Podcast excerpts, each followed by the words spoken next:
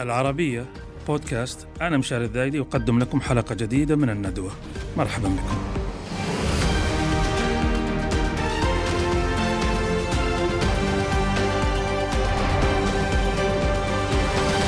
صالونها اليوم آه، أيضا سيكون عن يوم التأسيس كما كان في الحلقة الماضية ونحن نشهد آه، الاستعدادات والاحتفالات والاحتفاءات بهذا اليوم وهو جدير بذلك وحقيق بذلك لأنه يوم يعيد لنا وعينا التاريخي بشكل أكثر صحة وأكثر سلامة إذ أنه يؤسس لبداية الدولة منذ تولى مؤسسها الأمير محمد بن سعود ثم الإمام أصبح لقبه محمد بن سعود الإمارة في الدرعية وما حواليها قبل آه، التاريخ الذي تعودنا عليه وهو 1744 لا قبل ذلك بكثير 1727 يعني فترة ليست بالسهلة.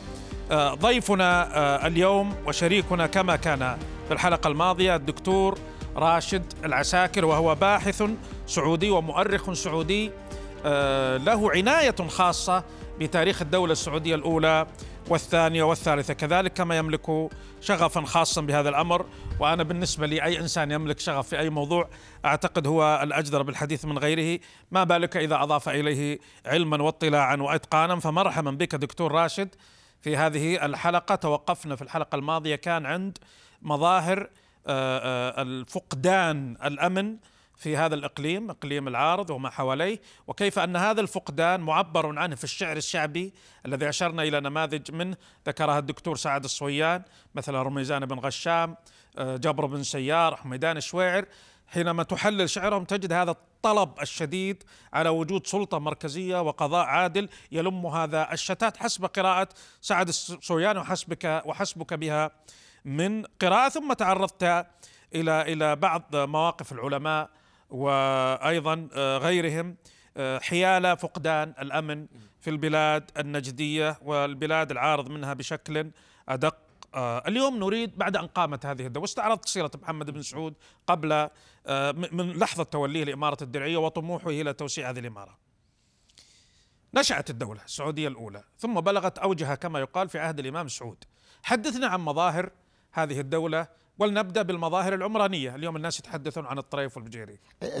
اولا طبعا هناك مراحل أيضا سابقة قبل الإمام سعود بن عبد العزيز سعود بن عبد العزيز بن محمد بن سعود كان والده الإمام أيضا عبد العزيز بن محمد بن سعود وكان أيضا الإمام محمد بن سعود. عندما شرع أيضا محمد بن سعود في هذه الانطلاقة الكبرى وأيضا محاولة لملمة هذه البلاد المترامية الأطراف وخصوصا في منطقة العارض استطاع أيضا كان هناك يقوم بحملات عسكرية أيضا ضد مدينة الرياض استمرت 28 سنة.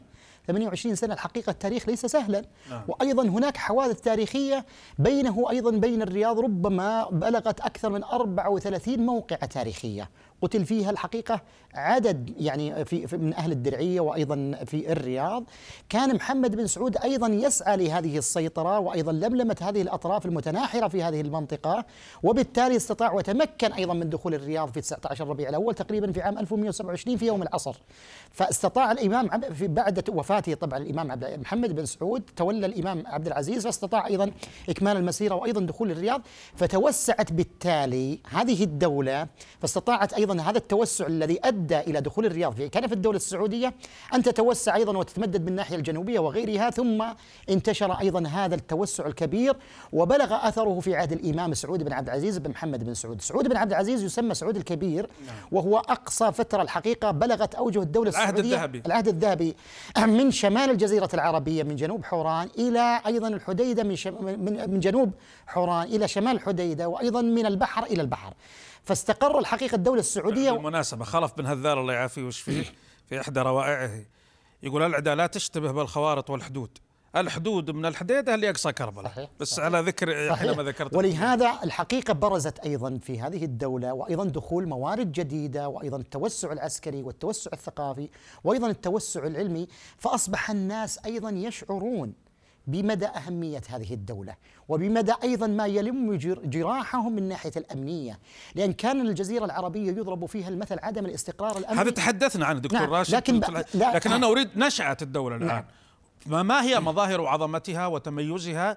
أنا لذلك مثلت بعهد سعود لأنه هو العهد الذهبي. صحيح. هو يعني المظاهر العمرانية صحيح. حدثنا عن قصر الطريف هذا. ما هو المظاهر الحقيقة متعددة وجوانب أيضا مختلفة وربما أيضا لها دراسات كبيرة الحقيقة جدا. يعني مثلا الطريف إذا أخذنا على سبيل المثال في الدرعية برزت أيضا الدرعية في بنائها العمراني وأيضا تطورها الحضاري في تلك الفترة فأيضا برز أيضا قصر الطريف المشهور قصر الطريف لأنه يقع الدرعية على آه، طرف الوادي وإعجاج طريف الوادي. تصغير طرف. ط- ت- تصغير الطرف لأن. الدرعية نخوتها القديمة آه، أهل العوجة. العوجة من اعوجاج الوادي. فاستطاع أيضا الإمام عبد العزيز وأكمل هذا المشروع الإمام مسعود في بناء أيضا الأحياء المجاورة أيضا في الدرعية في حي الطريف واستطاع أيضا بناء قصر الحكم الذي يمارسون فيه أيضا ال- ال- ال- القيادة والإدارة.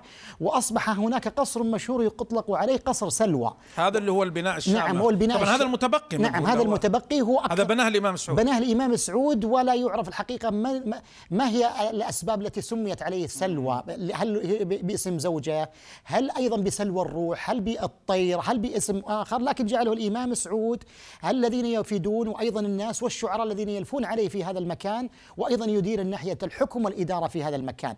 وكان الإمام سعود أيضا له أوجه مختلفة في قضية أيضا حصر بعض الأشياء والجوانب المختلفة من ناحية التجارة ضبطها ومن ناحية أيضا العلماء وضبطهم من ناحية الفتوى هذه هذه بنجي ضبط نعم، ضبطه للعلماء لأنه أش- في بعض الرسائل تشير هذا الأمر نعم. لكن مثلا هذه الدولة المترامية الأطراف أشبه بالإمبراطورية صحيح، صحيح. كيف استطاع الإمام سعود يعني يحكمها بكل هذا الإتقان وال يعني أكيد إنه في قناعات صحيح. يعني مثلا أقاليم نائية في في في جنوب آه، البلاد عشير ولا جازان يعني مش كلها نعتقد بالقوة العسكرية بقدر ما هو إيمان أيضا من الأهالي ب- بهذا المشروع. هو هو لا شك هناك هذا المشروع امتد أيضا عبرات السنين إلى أن يعني تأطر أيضا في إطار ال- ال- ال- الإفادة العامة في جميع المناطق، يعني كثير من المناطق الجزيرة العربية عندما يتحدث عن أي مجال هم يقفون على الأمر الأمني الذي لا يستطيعون أن يتحركوا من منطقة نعم. إلى منطقة أخرى اللي تحققت بفضل الله عز وجل ثم بوقوف أيضا هذه الدولة وضبطت أيضا الإجراءات الأمنية فأصبح أيضا هناك القضاة وهناك اقامه الأحكام العادلة وهناك أيضا العسكريين وهناك أيضا تكوينات أيضا الدولة وهناك أيضا تكوين الجيش الدولة الآن واختيارهم وكفاءتهم وغير ذلك الزكاة. وعمل الزكاة فلذلك أصبح الآن ولهذا يقول المؤرخ أشهر لدينا مؤرخ ابن بشر يقول إذا ضاعت ناقة أو إذا ضاعت شاة في أقصى الجزيرة العربية في جنوبها إلى شمالها. لا يستطيع إنسان أن يأخذها بسبب الأمن الذي استقر في هذه الأرجاء. فالحقيقة هي شيء ضخم جدا لم يتحقق لهذه الجزيرة. هذا الاستقرار الأمني. ولم. وتعتقد أنه لم لم يسلط الضوء عليه بشكل كافي اللي هو كيف أنش تم إنشاء جهاز إداري داخلي على مستوى عالي من الكفاءة والإدارة أيضا يعني. وهذه الحقيقة الح- يعني يتتبع الآن كثير من الباحثين وأيضا كثير من المهتمين. لابد أن يبرز هذا الجانب الأمني في تكوين الدولة. نعم. ربما أن يقام أيضا يوم خاص مؤتمرات خاصة. يوم للأمن. لا يوم للأمن ليستشعر هذه الأجيال الجديدة. يعني تصور أخي الكريم أستاذنا أن الإنسان ينتقل من شمال الجزيرة العربية الآن وضعنا الحالي من 2005 2400 كيلو إلى نجران. لا يستطيع أن يدب في نفسه الخوف في تلك المرحلة السابقة قبل قيام الدولة السعودية لا يستطيع الإنسان أن يعبر كيلو واحد من منطقة إلى منطقة بسبب قرية الخوف. لقرية. نعم بسبب الخوف ولهذا لابد أن يستشعر هذا الجيل الجديد بأهمية هذا الأمن وأننا لا نقول هذا الكلام جزافا بل تكلم عنه الغربيون ونحن اليوم وتكلم عنه الكثير الحقيقة اليوم ال- الله يعافينا وي- ويعافي غيرنا يعني ويصلح أمر البلاد آه، المجاور ففي النهاية أشقاء يعني يعني تشوف الوضع يعني في سوريا تشوف الوضع في اليمن تشوف الوضع في في غيرها من البلدان. يعني أشبه بما تحدثت عنه لا أحد يستطيع أن ينتقل من مكان لمكان إلا نقاط سيطرة وما تدري تب- هذا تبع مين ولهذا حتى المؤرخين الأجانب أو حتى الذين كتبوا ضد تاريخ هذه الدولة عندما يشيرون يقول ومن محاسن هؤلاء السعوديون أنهم استطاعوا ضبط الأمن في الجزيرة حتى من العربية. الأعداء. حتى من الأعداء مثلا عثمان بن سند من أشهر الأعداء الذين كتبوا أيضا خارج الدولة ويقول ومن محاسنهم الضخمة أنهم أمنوا هذه البلاد فيستطيع الإنسان أن ينتقل من مكان إلى آخر لا يخاف نعم. وهذه الحقيقة ميزة ضخمة يجب ي- يعبر عنها الحقيقة الآن يعبر أيضا عنها في الأيام وغير ذلك لأن هذه الح- ال- الأمر مهم جدا والله دعوة مهمة يعني أن أن تكون هناك مناسبة ليكن يوم أسبوع أيا يكن لأبحاث حول الأمن وممكن يرافقها عروض آه، ترفيهية كذلك أو كذلك كذلك هؤلاء الذين بذلوا أرواحهم في سبيل أيضا نعم وحده هذه نعم. البلاد من الشهداء. أيضا هؤلاء لهم حق علينا ما في في منطقة من مناطق المملكة إلا وكانت لآبائهم وأجدادهم مساهمة. نعم. ولهذا اتخذ أيضا الأسرة السعودية كرمز لهم أيضا من خلال هذه السنوات الطويلة أكثر من 300 سنة نعم. إلى يومك الحاضر. فلا بد الحقيقة أن يستشعر الجميع بايضا ويستشعر بماهية هذا الأمر الذي نعيش فيه ونتفيأ من ظلاله طبعا طبعا. يعني لو تستعرض يعني عدد الناس اللي ضحوا بحياتهم أو ببعض أعضائهم أو بغير ذلك من أموالهم في سبيل صد الغزاة. صحيح. الأجانب في وسط البلاد وجنوبها وشمالها كل مكان في شقرة في الرس في ضرمة في أبها في يعني حملات اللي تصدى لها الأبطال من وهي ليست وليدة اليوم. يعني الإمام محمد بن سعود عند نعم. قيام أيضا هذه الدولة فوصراعه مع الرياض استشهد من أبنائه أيضا الإمام سعود وفيصل. نعم. أوائل الأبناء الذين استشهدوا أيضا في سبيل وغيرهم أيضا من هذه الأسرة. كلهم استشهدوا أيضا في سبيل توحيد إيه هذه البلاد إيه إيه وتحقيق نعم. الأمن. هذا فيصل سعود في الأول نعم خالص. في الأول هم بقى بس عبد العزيز نعم وعبد الله. هم أبناء طيب. الإمام محمد بن سعود في ذلك. طيب نريد أن ننتقل هذا البعد الداخلي في إدارة الدولة. ماذا عن البعد الخارجي؟ دولة بهذه المساحة. ما كان لها علاقات خارجية؟ هو بعد نظرت الدول أيضا المحيطة والقوى الإقليمية أيضا في هذه المنطقة إلى أيضا هذا الاتساع الضخم في الدولة السعودية وأيضا دخول هذه الأنحاء المختلفة في الجزيرة العربية تحت حكم واحد لأول مرة في التاريخ. يعني ربما بعد من أيام عمر بن الخطاب. من أيام عمر بن الخطاب رضي الله عنه ولهذا لم تحكم الجزيرة العربية بحكم واحد إلا لهذه الأسرة. ولهذا استشعروا هذه الدول أيضا بأخطار ستحدق عليهم. يعني مثلا بريطانيا كانت أيضا الدولة لا تغيب عنها الشمس لكنها استشعرت أيضا الخطر السعودي من امتداد السعوديين إلى المنافذ البحرية وكانت بريطانيا لا تغيب عنها الشمس لانها دولة تجارية في المقام الأول ولهذا نعم. حتى مع أعداء الدولة السعودية كانت في سقوط الدولة السعودية أيضا حاولوا أيضا عقد الاتفاقيات معهم لايضا لإبعاد الجذور السعودية عن البلاد المنطقة السواحل لأن كانوا يتحكمون أيضا فيها السعوديين. فاستشعروا بريطانيا أيضا بذلك الأمر أيضا حتى الفرنسيين في بعض الرسائل التي قام بها أيضا نابليون في فترة من الفترات وارسال أيضا للقاء الإمام للقاء الإمام نابليون. نابليون نعم. طيب وغير الفرنسيين من كان في علاقات هناك أيضا العلاقات أيضا مع الفرس وأيضا العلاقات أيضا مع اليمن في هذه الدول المجاورة. على ذكر اليمن على ذكر اليمن وعلاقات دولة الأئمة في نعم اليمن. نعم. المؤرخ اليمني لطف الله جحاف وهي آه، في كتابه المهم درر نحور حور العين. الحور العين أو الحور العين وهو كتاب كان نادر شبه نادر إلى أن أعيد طباعته من جديد. وكأننا اكتشفنا كنوز من جديد لأنه يؤرخ لنفس صحيح مرحلة صحيح. سعود وعبد العزيز انه هو معاصر لها في اليمن بس من زاوية يمنية. نعم. يتحدث في كتابه هذا عن سفارة بعث بها أو بعثت بها الدرعية إلى اليمن للقاء الإمام صحيح. الإمام الإمام اليمني. ثم إن عبد الله بن مبارك عبد الله ابن مبارك هو المبعوث. صحيح. أظنهم من أسرة من حرام الكرام. نعم. ثم آه، آه، حاول أن يلتقي بالإمام فتعطل به المسير في جبل اسمه جبل كوكبان. جبل كوكبان عامر بالعلماء وبال ومنه علماء يعني. ثم طالت مدة إقامته هناك فذكرت قصة ظريفة. آه، أنا نبهني لها الدكتور محمد الزلفه يقول وهو هناك جادل العلماء هناك علماء الزيديه لأنه لاحظ أنهم يستخدمون اليهود في الأعمال يعني المست يعني المتدنية جدا. مثل تنظيف القاذورات وما إلى ذلك وابشع من ذلك. فقال لماذا تستخدمونهم بهذا الشكل؟ قالوا لأنهم يهود وأن يجب أن نذلهم أو كذا. يقول والغريب رد رد عجيب. هذا مبعوث الدرعية. قال لا هؤلاء بشر هؤلاء لا يستحقون هذه الإهانة ولا يستحقون هذا الأمر. هذا يقول لي الدكتور آل زلفة يقول نبهني على هذا الموضع من هذه المخطوطة عالم يهودي في كامبريدج. لاحظ. يعني انتبه لهذه القصة. ما وجدنا هذه القصة عند بن بشر ولا بن غنم. لا شك هو هو كثير حتى من المصادر المحلية لدينا. مثلا كتاب در النحور حور العين كان لدينا صورة أيضا القديمة المخطوطة وأيضا يشير إلى أحداث في المنطقة للسعوديين قبل تحقيق هذا الكتاب. وقس على ذلك الحقيقة أيضا. غير هذا الكتاب نجد السفارات المختلفة لأئمة الدولة السعودية.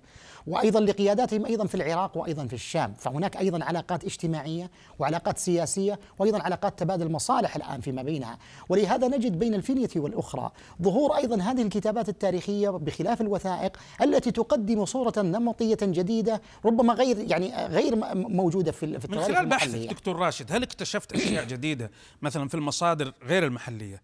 يعني مثلا زي هذا مصادر مؤرخي اليمن مؤرخي العراق صحيح. سوريا مصر إلى آخره أو من خلال الوثائق الأسر صحيح. أو من خلال يعني هل ما زلنا موعودين بمفاجآت أنا جديدة؟ أنا أعتقد ال- ال- البحث العلمي آه، يعني حافل بكشف المزيد والجديد من وثائق تاريخ بلادنا ولهذا كان عرضنا في سابقا يعني نتمنى أيضا في هذا ال- ال- ال- المكان أو هذا الموقف أي يعني ال ال ال ال إيجاد المشروع الضخم للمتحف أو الإرشيف الوطني للمملكة العربية السعودية وأن يكون في الدرعية، يعني هذا أمل حقيقه كل باحث وكل مهتم لأن الوثائق هؤلاء التي تتناقل لدى الباحثين ولدى المهتمين لابد أنها تكون في مكان واحد يطلع ال- الكثير من الناس على جزء أيضا من تاريخ بلادهم وآثارهم الآن في هذه المنطقة. بماذا أو ما هو نقدك لكتب التاريخ القديمة السعودية؟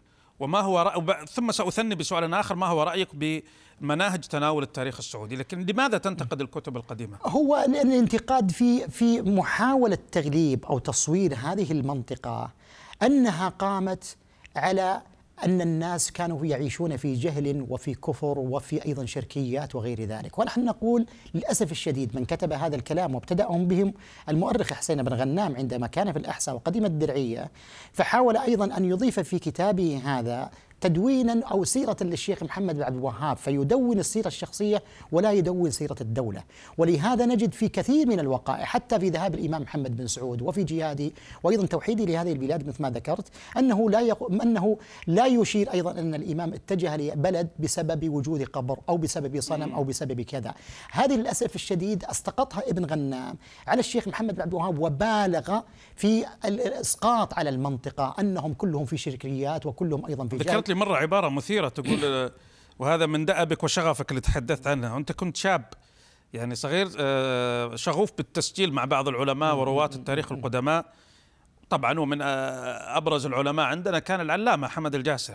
فأنت سجلت معه مجموعة تسجيلات صحيح، صحيح. في أسئلة وكذا كأنه قال لك رأي جريء حول ابن غنام صحيح هو هو يذكر يعني يقول أنت أسمعتني التسجيل نعم، شاء الله تتسنى الفرصة ننشره هو هو. يذكر المبالغات الزائدة والتمجيز الزائد في الشخصيات الدينية في وقته ويقول أن هذه البلاد كان هناك أيضا لهم مآثر من قادة وجيوش عسكريين وغير ذلك سعوا في توحيد البلاد وخدموا أيضا وقتلوا واستشهد أبنائهم في سبيل ذلك. فلماذا لا نركز على الجانب الأمني؟ لأن هذه البلاد هي الجانب الأمن هو مفقود. أما الجانب الديني آبائنا وأجدادنا كل إنسان يفتخر بآبائه وأجداده. ولهذا للأسف الشديد يعني المناهج التاريخية في فترة من الفترات وصفت هذه المنطقة بأنهم يعيشون في شرك ويعيشون أيضا في جهل حتى قدم الشيخ محمد بن عبد ونقول لا لهؤلاء بس ماذا قال الشيخ محمد صحيح. الجاسر؟ ما هو تقييمه؟ كان لتاريخ تقييمه يقول يعني للأسف المبالغة وأيضا نقد ابن غنام في هذا الجانب ونقد الحقيقة نقد مهم جدا. يقول المبالغات هذه الزائدة يجب أن يكون الباحث مثل المنصف مثل القاضي. إذا أراد أن ينظر لأمر لابد أن ويعرضها بشكل. موضوعي صحيح. وليس بشكل صحيح. دعائي. طيب لأنك أشرت النقطه أنا ما ودي نفوت الحديث دون التوقف عندها. مسمى السعوديين. هل هو مسمى حديث كما يقول البعض انطلق مع المملكة العربية السعودية أم مسمى قديم في التاريخ؟ لا هو مسمى قديم الحقيقة. يعني نجد- السعوديين نقصد اللي هم يعني الشعب. نعم الشعب. ولهذا نجد في أوائل الوثائق وأوائل المخطوطات لدي بعضها الحقيقة وعثرنا عليها يذكرون هؤلاء مثلا السعوديون أو في موقع وش أقدم شاهد وجدت أقدم شاهد في الدولة السعودية الأولى وجدنا هذه الكتابات أيضا المعارك السائرة. ولهذا بدأت أيضا تخرج هذه الجذور الوحدة الوطنية حول هذا الاسم. ينتقل من مكان إلى مكان فيشيرون إلى رمزية هذا المكان بقيادة هذه الأسرة آل سعود. لا من هو الشاهد الشاهد هي مخطوطات قديمة في تحكي بعض الوقائع التاريخية ولعلي زودتك أنا نعم نعم لعلنا نعرضها بنموذجين أنت اثنين زودتني بالفعل بصور لمخطوطه نموذجين اثنين في الدولة السعودية. وذكر مسمى السعودية نعم. سماه الطائفة السعودية. الطائفة السعودية. ولهذا تختلف عن كتابات المؤرخين الأجانب عندما يذكرون تاريخنا فينسبون أيضا الأمر الديني وهم متأثرين يقولون الوهابيين نعم. بينما هذا يقول السعوديين اي نعم لأن هؤلاء الغربيين وهذا مؤرخ محلي نعم يعني. ال- في ال- ال- ال- ال- الحروب كما ال- ال- الأوروبية القديمة واللوثرية في تلك الفترة فيحاولون إسقاط أيضا الجانب الديني لكل أمر بينما لا ينظرون أيضا لمجتمع وطني قام على أسس أيضا أمنية في هذه المنطقة. نعم آه، أخيرا كيف نصنع وعي تاريخي مستمر ودائم حول فكرة يوم التأسيس بعيدا عن الجانب الاحتفالي. الجانب الاحتفالي جيد. مظاهر الاحتفالية الفيديوهات التحفيزية المقاطع الأغاني ال- البوسترات اللي في الشوارع. كل هذه أشياء جيدة وممتازة وترفع مستوى الوعي لدى عامة أو ترفع مستوى الاهتمام والشغف لدى عامة الناس. لا أقصد كيف نصنع وعيا دائما حول هذا الأمر. أتذكر مقال الأستاذ عبد الله بن جاد سماها التأسيس ليوم التأسيس. لأنك تعرف أنت تطرح فكرة ما هي سهلة. صحيح. تصطدم مع فكرة إنه هذه آه، إن الأساس هو رجل الدين أو الشيخ. لا الأساس هو مشروع أمني سياسي وبطبيعة الحال. سيحكم بالشريعة لأن هذا البلد والشعب شعب مسلم تحصيل حاصل يعني. ما هي مظاهر القصور؟ أنا أنا أعتقد إلى ماذا تدعو؟ أنا أعتقد أن هناك أشياء كثيرة يعني تكثيف النواحي أيضا الجوانب التوعوية للجيل الجديد أيضا الجيل الجديد لأبنائنا فمثلا في المدارس. كنا في فترة من فترات المدارس يوم المرور يوم كذا يوم الشجرة. هناك الحقيقة ألزم علينا في إطلاق يوم يشعر به الجميع الحقيقة. هذا حصل يوم يعني التأسيس بس باختصار أنا لأنه الوقت انتهى. لا لا. إلى ماذا تدعو؟ مثلا إلى إلى غير المظاهر الاحتفالية اللي الحمد لله الدولة نعم ما قصت بس نعم. أنت إلى ماذا تدعو ليبقى ليتجذر ويترسخ الوعي؟ أعتقد أنه لابد أن يكون هذا على مدار العام. وتذكير أيضا الناس بهذه بأهمية المواطنة وأيضا أهمية استشعار الناس لوطنه وأيضا بيئته وأنه لا غنى عنه. هذه هذه الحقيقة مهمة أنا أعتقد بالإضافة لما تفضلت فيه حضرتك آه، صناعة محتوى جاد وحقيقي نعم على مستوى أفلام آه، أفلام دراما أو نعم مسلسلات صحيح. على مستوى وثائقيات صحيح. وأيضا مراكز ولا دراسات ولا يكون يحاضر فيها أمثالكم من المتخصصين. ولا يكون على المستوى المحلي بل أيضا دولي. ربما الدولي أيضا السفارات المملكة وأيضا نعم الأمور نعم. الثقافية. لابد أن تكون هناك يد واحدة في أيضا إيصال هذه الفكرة المهمة لتاريخنا. الله يسلمك يا دكتور راشد. الحديث معك لا يمل والمناسبة هذه لا تمل والتأمل فيها وتقليب أوراقها أيضا أمر لا يمل وصحبتكم أيها الكرام لا تمل فإلى لقاء قريب.